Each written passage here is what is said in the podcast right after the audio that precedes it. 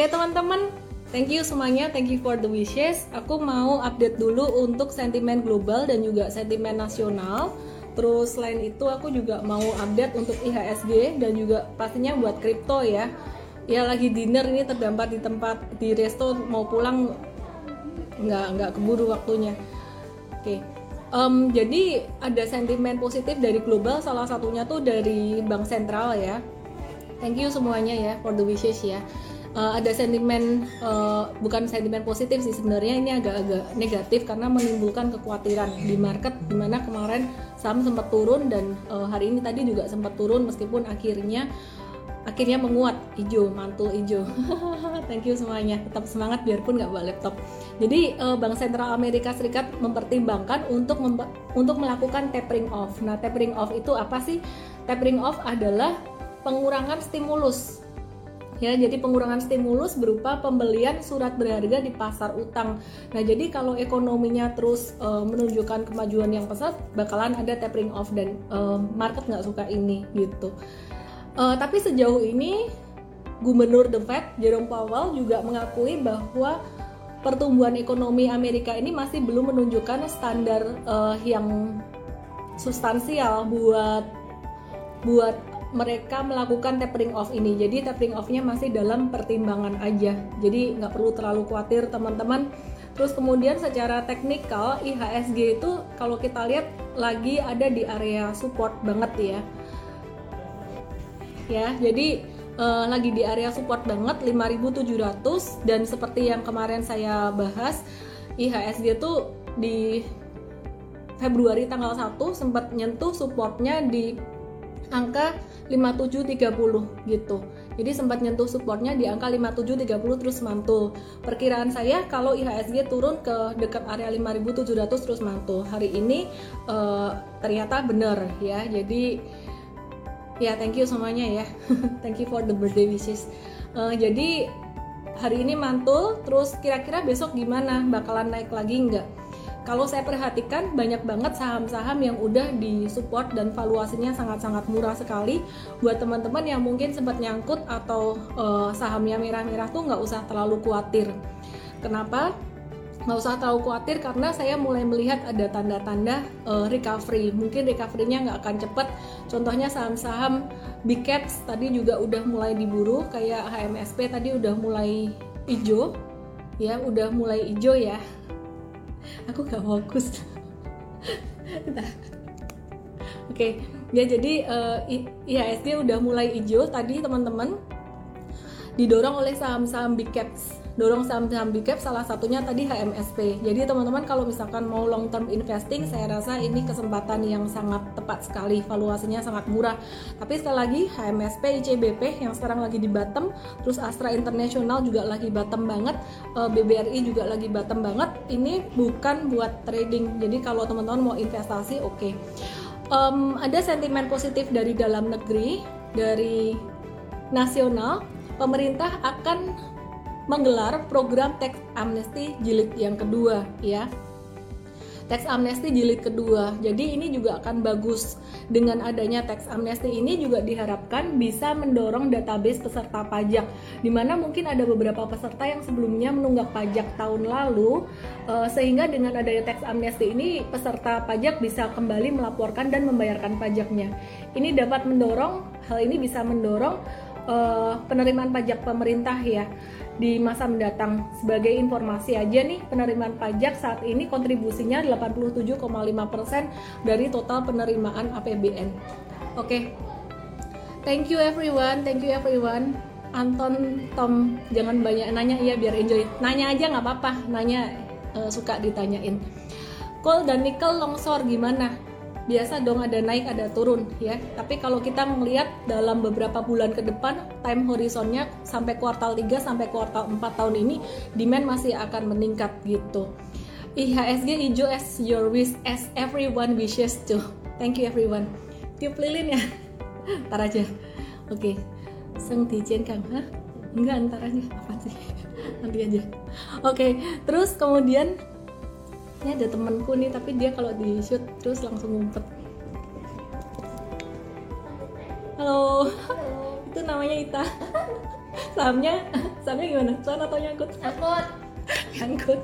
Oke Eh, Cahyo Adiraja, Miss Consumer bukannya oh, Pak Cahyo nanya nih, bukannya growth-nya udah stagnan ya dengan GDP Indonesia udah tembus USD 3000 growth-nya udah nggak seperti waktu GDP di USD 1500. Em, aku ngelihatnya dari valuasi sih, valuasinya sangat murah sekali kayak unbelievable murahnya buat ICBP dan saham-saham consumer good lainnya. Cuman kalau rokok teman-teman nggak nyaman dan secara dari fun-fun juga aku sempat ngobrol dengan teman-temanku dari beberapa fun. Mereka kayaknya kurang suka juga dengan rokok. Jadi teman-teman mungkin bisa pilih yang lebih eh, lebih lebih oke lah. Lebih oke tuh maksudnya buat semua orang lebih banyak suka itu jadi contohnya ICBP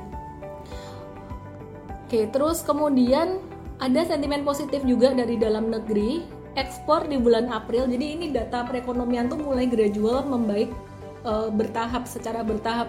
Kalau kita ngomong data perekonomian membaik ini nggak langsung nggak langsung nggak langsung berdampak secara positif ke market ke saham atau ke IHSG secara langsung tuh enggak karena uh, faktornya ada banyak gitu. Jadi faktornya ada banyak sekali.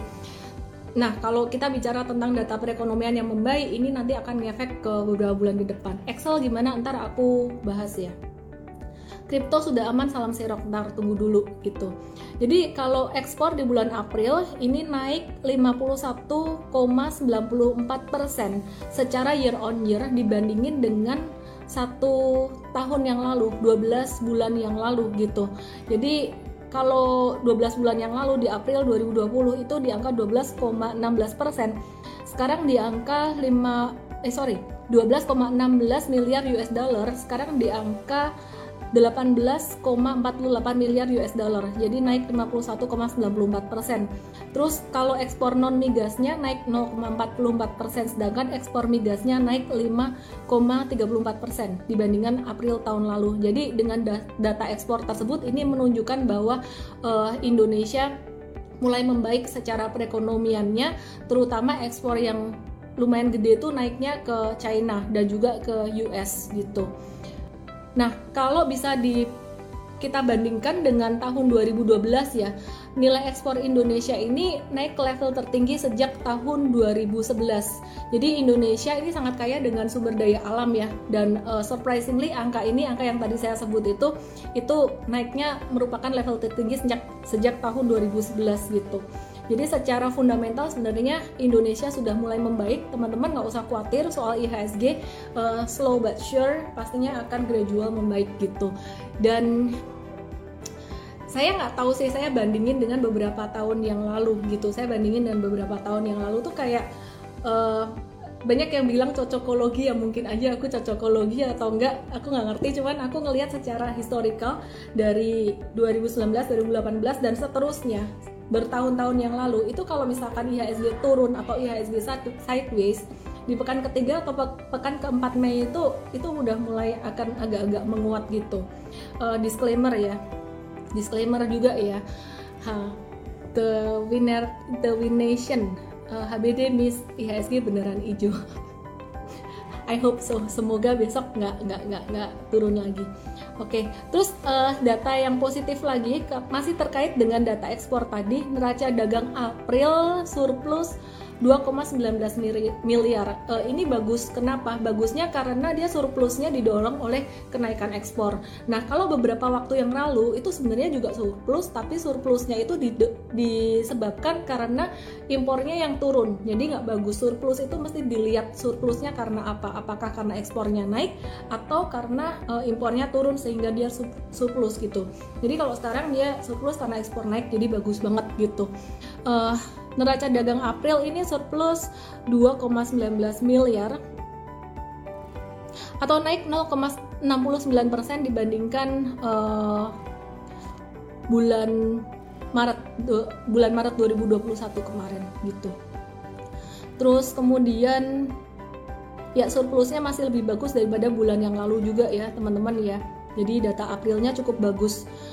Sebelum saya bahas cryptocurrency, saya mau bahas beberapa saham terutama di sektor telekomunikasi yang hari ini lumayan aktif ya. lumayan aktif di sektor telekomunikasi. Ini ada saham TLKM, TLKM ya, uh, sempat sideways lumayan lama. Kita sempat beli juga waktu itu untuk swing trading, tapi hari ini kita jual, ada naik dikit kita jual karena udah kelamaan kalau buat swing trading. Swing trading uh, swing trading itu biasanya rentang waktunya kurang dari satu bulan tapi ini udah hampir satu bulan lebih. Jadi tadi kita profit taking dulu untuk TLKM nya gitu. Uh, Linong dengan kondisi IHSG seperti sekarang ini aksi yang diambil apa? Apakah saatnya buy karena harga lagi down banget? Kalau buat investor jangka panjang iya. Ini waktunya buy terutama yang valuasinya sangat murah banget. Astra International itu itu valuasinya murah technical juga murah ICBP murah valuasinya juga murah tapi bukan buat trading terus uh, eh, HMSP GGRM juga disclaimer teman-teman ya. Aku nggak suruh teman-teman beli ini cuman aku kasih tahu aja. Sekarang nih gila valuasinya murah banget buat saham-saham ini gitu. Tapi kalau buat trading uh, sekarang belum waktunya all in belum waktunya ngeborong gitu. Karena sekarang IHSG juga masih kondisinya masih sideways gitu. Kalau masih sideways gini tantangannya adalah stop loss gampang kena. Stop loss gampang kena terus nanti mantul lagi gitu. Jadi kalau untuk uh, trading trading kita masih cuan bungkus cuan bungkus. Mungkin cuan 5%, cuannya kecil-kecil jadi naik cuan bungkus cuan bungkus. Karena beberapa kali kita trading begitu menguat eh terus terus turun lagi karena marketnya masih sideways banget gitu. TKIM INKP ini koreksi normal aja ya koreksi normal aja. Aku ngelihat masih ada tanda-tanda akumulasi. Teman-teman nggak usah uh, takut kalau buat yang jangka menengah sih. Teman-teman masih oke okay, masih bisa collect tapi pastinya bukan uh, langsung diborong semuanya ya. Kalau TKIM INKP tuh maksimal 10% dari total portfolio untuk masing-masing sahamnya gitu. Terus kalau buat trading tadi batasi resiko dulu gitu uh, Telkom sih pasti naik pasti, cuman lambat gitu. Jadi kenapa tadi kita exit dulu karena dia geraknya lambat gitu. Kalau trading kita cari yang lebih cepat. Oke. Kalau Telkom tadi ada sentimen dia lagi menjalani uji layak operasi atau ULO untuk mulai menggel untuk mulai menggelar jaringan uh, eh, 5G di Indonesia. Nah, kalau udah menyelesaikan proses ULO, Telkomsel akan menghadirkan layanan 5G di enam lokasi di DKI Jakarta, yaitu Kelapa Gading, Pondok Indah, PIK BSD, uh, eh, Widya Chandra dan Alsut gitu. Selain di Jakarta, Telkomsel juga akan uh, ngerilis 5G-nya di Batam, Medan, Solo, yay. Bandung, Surabaya, Makassar, Denpasar dan Balikpapan gitu. Jadi uh, hopefully lancar dan itu akan jadi sangat bagus sekali buat TLKM untuk jangka panjangnya. TLKM kalau buat investasi jangka panjang sekarang gimana? Secara harga juga masih oke, okay, cuman kalau buat investasi jangka panjang sekarang yang valuasinya benar-benar discounted banget tuh consumer good meskipun growth-nya nggak gitu gede ya secara growth kayak yang tadi Pak Cahyo ada tanyain, cuman secara valuasinya gila murah banget gitu. Dia benar-benar di bawah standar deviasi minus 1 PI-nya dan juga uh, bahkan di bawah standar deviasi minus 2 gitu. Oke, terus uh, ISAT Indosat ya. Indosat tadi juga menguat dari masa sideways-nya. Hmm, masih ada resiko untuk sideways sih sebenarnya masih ada kemungkinan dia balik sideways. Cuman ada sentimen uh, positif juga untuk Indosat. Ya sentimen positifnya ya kemarin uh, permintaan atau salesnya dia tuh di lebaran kemarin pastinya meningkat ya. Karena lebaran kemarin kan orang-orang juga pada nggak bisa nggak bisa mudik banyak yang nggak bisa mudik jadi mereka silaturahmi online. Tapi ada juga sentimen negatifnya dari Indosat. Sebenarnya ini yang kita mesti agak-agak uh, waspadai. Karena growth-nya dia nggak gitu gede revenue-nya untuk Indosat ini ini 7,4 triliun di kuartal 1 naik 12,6 persen atau secara QOQ cuma naik 0,2 persen aja. Tapi ini masih lebih bagus daripada Excel ya. Kalau Excel ini revenue-nya dia turun 3,8 persen secara year on year dan kuartalan juga turun 1,7 persen. Ini data kuartal 1 sampai bulan Maret gitu ini ada yang lagi ngegame nih. Dah iya. Oke. Oke. Oke aku akan bahas teknikalnya. Untung di HP ada chartingnya nih. Aku akan bahas teknikalnya sabar dikit karena nggak bawa laptop jadi pakai HP TLKM tadi ngebahas tentang TLKM dan ISAT ya TLKM-nya naik kencang banget hari ini volumenya juga lumayan tinggi buat yang investasi hold aja dulu hold dulu aja uh, ini nice banget ya kenapa kita tadi keluar kita exit karena masih ada kemungkinan untuk jadi sideways lagi Telkom uh, kemungkinan besok masih bisa menguat, cuman tradernya udah mulai siap-siap untuk profit taking. Kalau investor hold kenceng, hold keras. Terus ISAT. Ya, ISAT hari ini tadi juga uh, naik. Wait and see untuk retracement aja. Belinya ketika ada retracement karena trennya juga masih sideways banget saat ini. Terus Excel Excel Axiata uh, naiknya paling kencang ya teman-teman jangan dikejar dan ini bagus sih sebenarnya kalau aku ngelihat saham-saham yang uh, downtrend downtrend banget. Terus kemudian dia sideways. Beberapa udah mulai rebound rebound kayak gini. Ini sebenarnya tanda awal bahwa uh, investor itu udah mulai akumulasi. Udah mulai ngelihat harga saham itu sangat sangat murah banget sekarang ini. Ya ya kok nggak ngefek ya? Padahal udah diborong CT tunggu aja semua saham akan naik pada waktunya Wis lagi utah kenapa udah pada makan mie belum? Udah habis nih lihat nih. Hah, udah habis. Orangnya juga udah kabur ke mana-mana.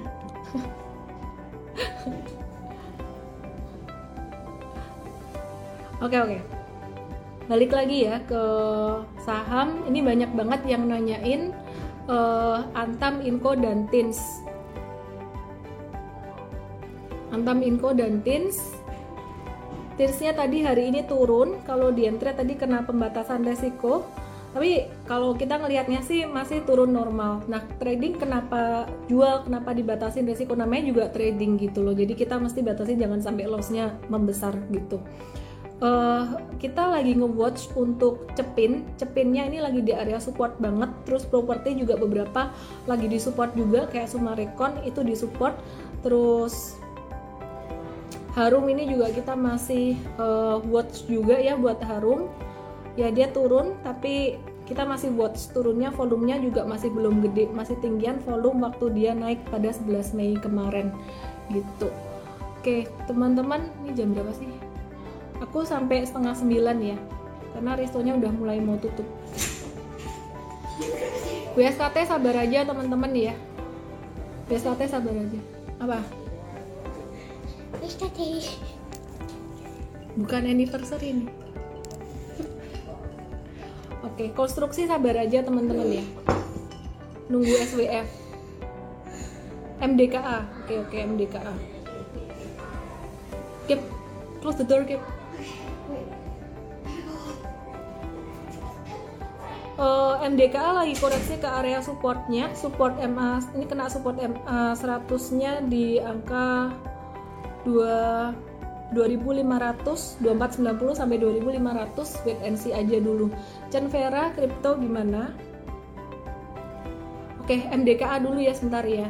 MDKA ini pada kuartal 1 ini melaporkan net loss sekitar 5 million 5 million US dollar.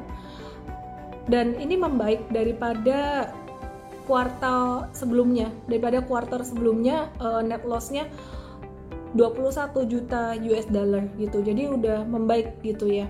Itu secara fundamental. Kalau secara teknikal dia lagi di support jadi masih bisa watch juga. Terus ini ada yang nanyain tentang kripto. Kemarin kriptonya tuh turun dalam banget. Kenapa kriptonya turun dalam banget karena China sempat melarang uh, lembaga keuangan dan perusahaan pembayaran untuk menyediakan layanan yang terkait dengan transaksi mata uang kripto gitu. Dan uh, sempat mengingatkan investor juga agar tidak melakukan perdagangan dengan mata uang kripto secara spekulatif gitu atau nggak boleh trading gitu istilahnya. Mengingatkan aja tapi bukan dilarang sebenarnya gitu. Jadi institusi di China gitu itu tidak boleh menyediakan layanan tabungan e, kepercayaan atau penjaminan cryptocurrency. Jadi nggak boleh jaminin pakai kripto uh, atau mengeluarkan produk keuangan yang terkait dengan cryptocurrency. Tapi sebenarnya trading aja sih masih boleh gitu. Dan China uh, sempat melarang pertukaran kripto dan penawaran koin awal tapi tidak melarang individu untuk memegang cryptocurrency. Nah yang terjadi adalah ketika pengumuman ini dikeluarkan kemarin siang itu di Amerika tuh masih pada tidur. Nah, kenapa malamnya baru jatuh? Karena trader-tradernya di sana itu udah udah bangun dan mereka jualan bahkan mereka short sell yang di futures, makanya jatuh dalam banget. Uh, seperti yang saya bilang kemarin, meskipun jatuh dalam ya segala sesuatu baik saham, kripto, forex atau apa pun kalau jatuhnya dalam dan kenceng itu biasanya mantulnya juga akan kenceng. Dan nggak lama kemudian terlepas dari Elon Musk ada nge-tweet atau enggak sebenarnya kalau dia nggak nge-tweet pun juga akan naik juga karena udah sangat murah sekali kemarin. Tapi kemudian Elon Musk tuh dia ada nge-tweet uh, Tesla Diamond Enhance itu teman saya yang kirimin saya waktu itu sempat pikir apa ini? Gitu. Terus saya bilang Diamond Hands. Artinya dia nggak jual Bitcoin atau koin-koinnya gitu. Jadi itu menjadi satu sentimen positif dan langsung naik. Sampai hari ini pun tadi sebenarnya masih bertahan ada fluktuasi dikit di kripto masih bertahan. Nah apa yang harus dilakukan teman-teman? Disclaimer on ya. Thank you udah diingetin. Disclaimer uh, ini bukan bukan perintah beli dan jual ya. Jadi cuma referensi dan edukasi aja. Apa yang harus dilakukan teman-teman saat ini? Nomor satu di kripto kemarin udah jatuh dalam kemudian sempat naik. Tapi kalau saya perhatikan belum aman. Kenapa? Karena yang beli di bottom kemarin itu pasti mereka mau profit taking. Dan kalau jadi jatuhnya dalam dia naik dikit di sini. Nah yang beli di bawah itu mereka pasti mau profit taking. Sehingga fluktuasinya pasti masih ada di bawah ini masih ada gitu jadi teman-teman kalau yang punya modal bawah mungkin sebaiknya realisasikan keuntungan dulu.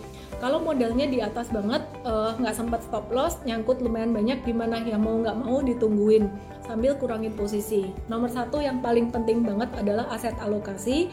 Uh, kalau sampai stres ada fluktuasi di kripto sampai stres banget berarti kegedean duitnya masukin di kripto.